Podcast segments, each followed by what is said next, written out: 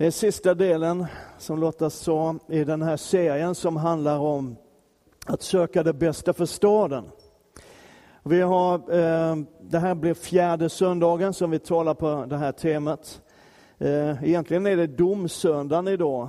Eh, så jag förstår och funderar på om jag skulle byta ämne för att Nej, jag ska inte hålla någon domspredikan. Det blir ingen fällande dom för de som är i Kristus Jesus. Det räcker som domspredikan, eller hur? Det är frihet. När vi hör domsbasunens ljud så fruktar vi inget. Amen. Vi har baserat den här eh, predikoserien, grundat den i ett ord ifrån Jeremias 29 kapitel, där det står så här i den sjunde versen. Sök den stads bästa dit jag har fört er i fångenskap. Du kan glömma det här med fångenskapen. Det är helt fritt att få bo i Enköping. Vill du inte så behöver du inte. Men, men be för den stads bästa dit jag har fört er och be för, den för, be för den till Herren. När det går väl för den så går det också väl för er. Sök stadens bästa. Be för den till Herren. När det går bra för stan så går det bra för er. Ehm, den här texten som, som Lotta citerade för en liten stund sedan, den kommer bara ett par verser efter den här. Så det här med en framtid och ett hopp hör ihop med att söka stans bästa. Det finns någonting i att söka det bästa för den omgivning du har, den, de människor som finns runt omkring dig, som faktiskt förlöser framtidshopp över ditt eget liv. Och vi har talat om under de här söndagarna att vi som kristna, vi bär Guds rike inom oss. Vi har sagt att, att där du är, om du har Jesus i ditt liv, om du har gett ditt liv till Jesus, om du är en kristen, så överallt där du är, där är också Guds rike. Med allt vad Guds rike innehåller av kraft och helande, befrielse, uppmuntran, syndernas förlåtelse, ett nytt liv, en framtid och ett hopp. Där du är, var du än är, vilken dag det än är, till och med på onsdag förmiddag. Där du är, där finns Guds rike med all sin kraft. Halleluja. Och så har vi talat om att det bästa för staden, det är att vi lever helhjärtat för Jesus, vi som tror på honom. Eh, det är sämre för staden om vi som tror på Jesus lever lite halvhjärtat för honom. Det bästa för staden är att vi som tror på Jesus lever hela hjärtat för honom. Och att vi lever i det som är hans plan för våra liv. Och förra söndagen så predikade Peter Ulveström utifrån Nehemjas bok och bland annat talade om hur man kan se nöden i en stad, men att den nöden inte blir överväldigande, utan när man ser nöden så blir nöden till vår bön. Och så ber vi för staden. När vi ser att det finns människor som har det svårt i vår stad, när vi ser att människor lider i vår stad, när vi ser att människor i vår stad, kanske inte i allmänhet i alla fall, söker Gud av hela hjärtat, så ber vi för staden. Och så sa Peter också någonting som jag antecknade, eh, för jag tyckte det var så bra, att Gud är större än nöden vi ser. Den Gud vi tror på är större än all mänsklig nöd. Prisat vare Herren. Och de här tre predikningarna, och den som jag ska hålla idag, den syftar ju till någonting. Den vill föda fram någonting. Vi har i den vision som vi har skrivit ner för vår församling, bland annat den här raden, det är den sista raden i vår visionsbeskrivning. Vi vill som församling göra Jesus Kristus känd, trodd och älskad av sjukt många fler har vi sagt, men det står det inte skrivet, utan det är jag som säger det. Vi vill göra Jesus Kristus känd, trodd och älskad av många fler. Och det är det det handlar om. Och när man då talar om det så, så känns det ju bara, ja men det är klart att det är ju det vi vill. Men ibland så har jag funderat så här, och det kanske du har gjort också, men hur gör man det?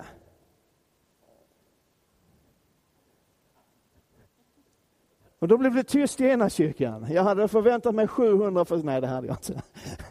Hur gör man det? Därför att de flesta kristna, tror jag i alla fall, är medvetna om att jag borde ju dela med mig om min tro till andra. Och det talar vi ganska mycket om att vi borde. Men vi talar rätt så lite om, jag i alla fall, jag får ta på mig skulden för det, ganska lite om, men hur gör man det? Någonstans. När jag var nyfrälst så, så var det fortfarande populärt, det är väldigt länge sedan, det var, var någon gång i forntiden, så var det fortfarande populärt att dela ut traktater. Ni som är, är unga, ni vet knappt vad det är för någonting. Det är små skrifter med budskap om Jesus, om frälsningen, om vår tro och lite så här. det finns lite olika modeller på det. Det fanns väldigt många olika modeller på det. Men de här stod man på stan och delade ut till random människor. Och det var, om vi nu ska vara ärliga, vi som har, har hållit på med det här. Det var ju möjligen frimodigt. Men jag är inte säker på att det var särskilt effektivt. Att vi nådde så särskilt långt med det. Ska jag vara ärlig, jag, jag, känner nog ärligt talat inte en enda, jag känner rätt många kristna, men jag känner nog inte en enda kristen, vad jag vet. Det vore rätt härligt om, det, om, jag, om någon kunde motbevisa mig, men jag känner faktiskt ingen vad jag vet som har kommit till tro genom att man har fått en lapp av en främling ute på stan. Det finns säkert någon, men jag känner ingen. Det kanske inte är det allra bästa sättet ändå att, att liksom sprida evangelium, sprida vår tro på, på det sättet. Jag vet inte. Men i Apostlagärningarnas fjärde kapitel så står Petrus och Johannes inför rätta. Och man vill förbjuda dem att tala offentligt om Jesus. Och då så säger Petrus och Johannes, döm själva om det är rätt inför Gud att lyda er och inte Gud. Vi för vår del kan inte hålla tyst med vad vi har sett och hört. Och när jag läser den texten så, så kan jag tänka ett och annat och så, så funderar jag på, jag vet ju inte hur det är med dig, men jag har upptäckt hos mig själv att jag är rätt bra på att hålla tyst. När jag inte står i talarstolen och är omgiven liksom av vänner så här som vill höra mig tala om Jesus.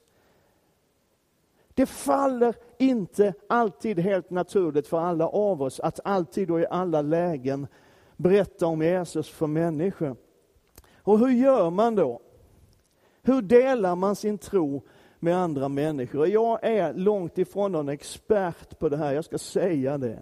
Men det finns en berättelse i Johannes evangeliets fjärde kapitel som jag älskar och som jag ofta återvänder till. Jag skulle vilja dela några tankar omkring den den här förmiddagen. Jesus sitter ensam vid en brunn alldeles utifrån, utanför en liten stad som heter Syka. Och det är mitt på dagen. Och Jesus sitter där och vilar sig medan hans vänner har gått in i stan för att köpa mat. Och när Jesus sitter där så kommer plötsligt en kvinna för att hämta vatten. Och det är lite underligt därför att man brukade hämta vatten på morgonen och sen på kvällen.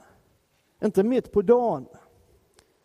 Och oftast gick kvinnorna tillsammans, ett helt gäng, ut till brunnen på morgonen och sen på kvällen. Men den här kvinnan hon kommer ensam och hon kommer när ingen annan brukar vara där. Och rakt emot alla traditioner, alla uppförandekoder så börjar Jesus att prata med henne. Det fanns åtminstone två starka skäl för honom att inte prata med den här kvinnan. För det första så var hon samarier. Och vi ska komma tillbaka till det alldeles strax. Men för det andra så var hon kvinna. Och det ansågs inte lämpligt för en judisk man att prata med en främmande kvinna på det sättet. Framförallt inte för en lärare, en rabbi som Jesus var. Och speciellt inte så här på tu man hand. Det passar sig inte. Men Jesus gör det i alla fall som Jesus ofta gör. Jag vet inte om du har tänkt på det, men läs evangelierna och upptäckt hur många gånger Jesus gör någonting i alla fall. Men det är ingen särskilt djup konversation så här i början i alla fall, utan han ber henne om lite vatten att dricka. Det är alltihop. Och man kan fundera över varför kom den här kvinnan ensam till brunnen vid en tidpunkt på dagen när ingen annan brukade vara där. Grejen är att det här kommer fram lite senare i texten. Man kan ana utifrån texten att, att i den här lilla staden Syka så såg man på den här kvinnan som lite lösaktig, en lite dålig kvinna. Hon hade fem kraschade relationer bakom sig. Och nu hade hon ett förhållande med en man som inte var hennes. Och Syka var ingen storstad, den är knappt ens omnämnd i någon annan litteratur från den här tiden. Den, den finns liksom inte mer än där. Och man kan ana lite grann i den här lilla staden, lilla hålan på landet, att det pratades.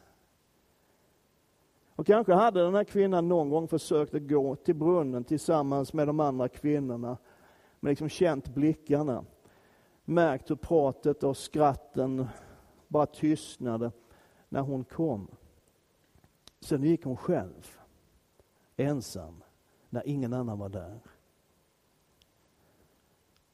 Och Jesus gjorde som han så ofta gör. Han såg den som ingen annan ville se.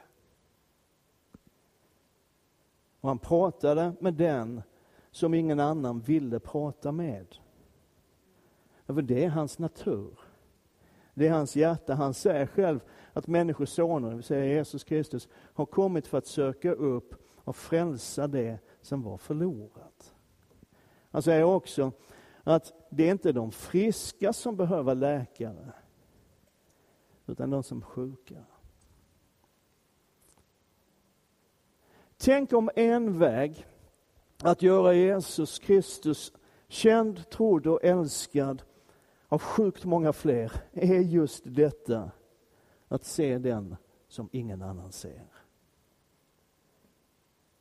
För det finns sådana i både din närhet och i min närhet. Varför var Jesus där då, vid den här brunnen utanför psyken? Om man läser den här texten i Johannes 4 och funderar lite kring den, kanske framförallt om man funderar lite grann kring den, så verkar det som att Jesus på något sätt kände sig manad att ta den vägen. Det är inte särskilt tydligt i texten, faktum är att det är inte tydligt alls. Men jag ska visa någonting. Det står så här i texten, Johannes 4, vers 3 och framåt. Han lämnade Judeen, vände tillbaka mot Galileen. Han måste då ta vägen genom Samarien. Och han kom till en samarisk stad som heter Syka, nära den mark som Jakob gav till sin son Josef. Där fanns Jakobs brunn, och Jesus som var trött efter vandringen satte sig där vid brunnen. Det var omkring sjätte timmen, alltså mitt på dagen. Han måste ta vägen genom Samarien, står det. Och det är klart, om man ser på kartan så upptäcker man, ja men det är ju absolut den kortaste vägen. Från Judeen nere i söder, upp till Galileen i norr. Så är ju liksom den smartaste, närmsta, på något sätt självklara vägen, är vägen genom Samarien. Men det står i vers 9 i det här kapitlet, vi ska inte läsa det, jag bara citerar det, att judarna umgås inte med samarierna. Och då kan man fundera på, vad är det för fel på samarier? Har du någon gång ställt dig den frågan och ägnat en torsdag eftermiddag åt att tänka på den? Vad är det för fel på samarier? Grejen är att det här går långt tillbaka till, i historien. När babylonierna intog det som kallas judariket, det vill säga södra delarna av Israel, det vi kallar Israel, så deporterade man i stort sett hela befolkningen därifrån och förde dem till Babylonien. Vi pratar om den babyloniska fångenskapen och grejen är att texten ifrån eh, Jeremia 29 som vi bygger hela den här predikoserien på, den har kommit till in i den situationen med fångenskapen. Men man tog folket flyttade bort dem från det här området och in i Babylonien. De enda man lämnade kvar var de allra lägsta samhällsklasserna. Det enkla folket, de outbildade, de fattiga, de som man liksom inte trodde att de skulle kunna bidra så värst mycket till det babyloniska samhället. De fick stanna kvar. Och efter en tid så börjar andra folkslag runt omkring att flytta in i det här området. Det var ju nästan tomt. Så andra folk kommer in och börjar bosätta sig där. Och så blandas de med de kvarlämnade, blandäktenskap, nya relationer, nya äktenskap, nya familjer. Och så småningom så hade de här folken blandat så mycket att man talar om att en ny etnisk folkgrupp hade växt fram. Samarierna.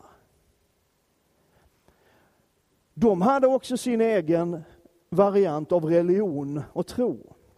De blandade sin judiska tro med de andra folkens gudar och ritualer och allt, allt detta traditioner. Man hade till och med under en tid ett eget tempel på berget Gerizim i det här området. Och det här gjorde att judarna såg samarierna som ett orent folk av två skäl.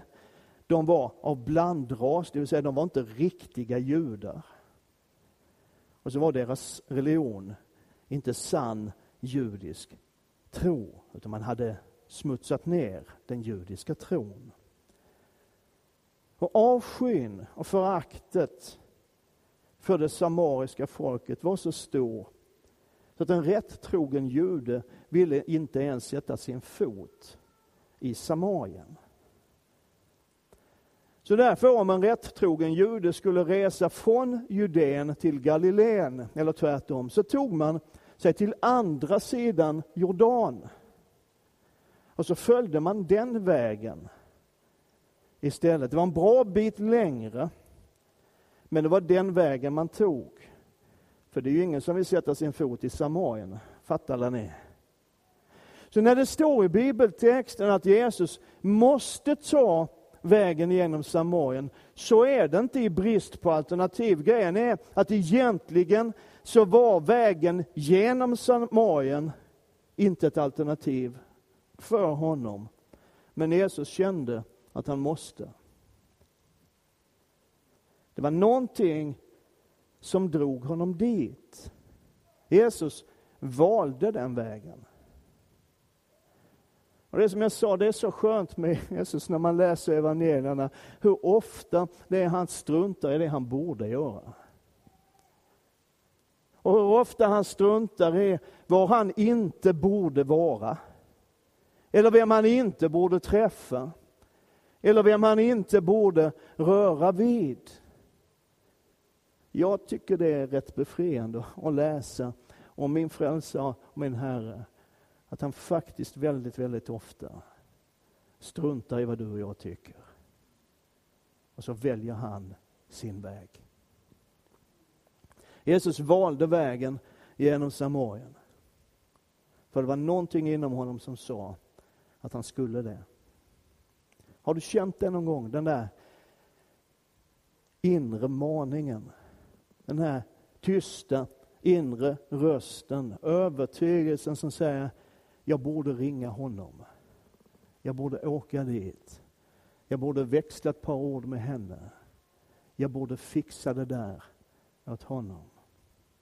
Och som jag läser det här textsammanhanget så är det ledd av anden, dragen dit av en övertygelse som Jesus möter en person som behöver honom. Och så ser han den som ingen annan ville se. Och det han säger till henne är ju egentligen väldigt enkelt. Jesus sa, om du kände till Guds gåva och vem det är som ber dig, ge mig lite att dricka, så skulle du ha bett honom och han hade gett dig levande vatten. Den som dricker av det här vattnet blir törstig igen. Men den som dricker av det vatten jag ger honom ska aldrig någonsin törsa.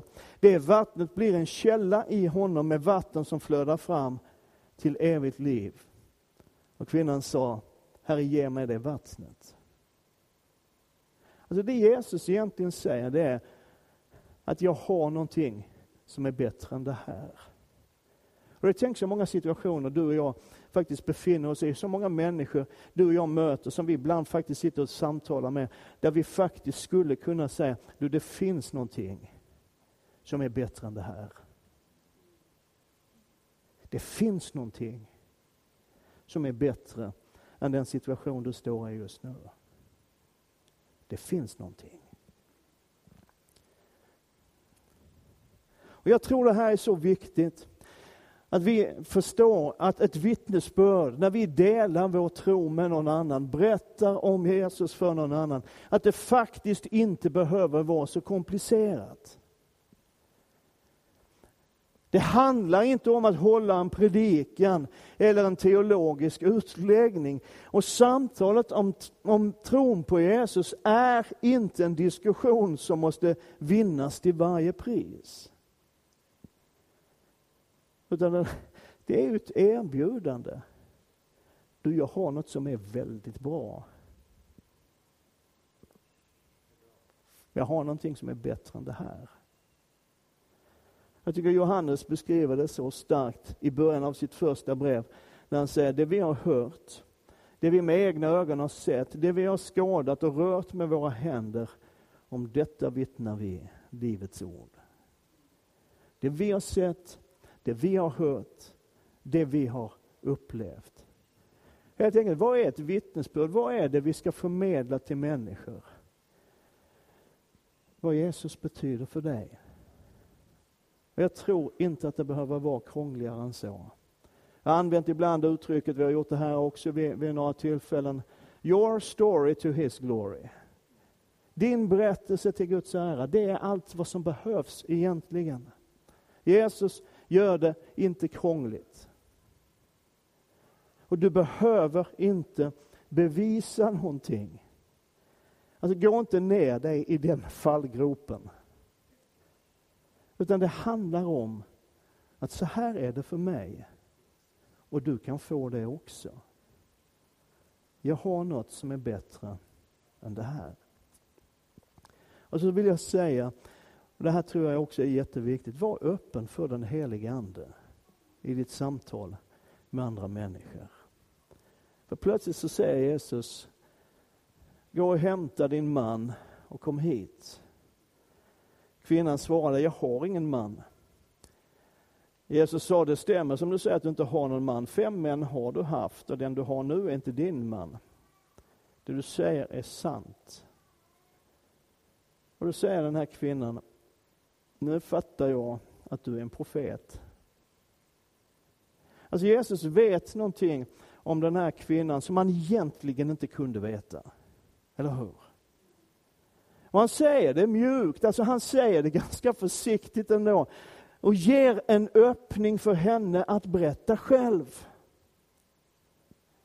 Och hon berättar ganska försiktigt får man väl säga, jag har ingen man. Det är en försiktig berättelse. Hon vill liksom inte lämna ut för mycket. Ja, och Stefan visade mig häromdagen att, att när bibelöversättningen The Message berättar den här storyn, så när hon har sagt att jag har ingen man, så, så beskrivs det i The Message, och säger Jesus, ja så kan man också uttrycka det.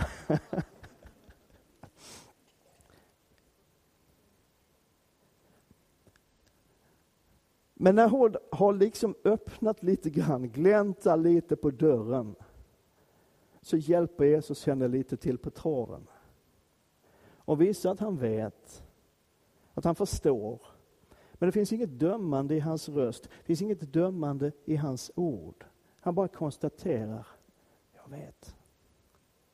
Och det där lilla ögonblicket av gudomlig uppenbarelse, av ett kunskapens ord, om du så vill, får den här kvinnan att förstå att Jesus har någonting.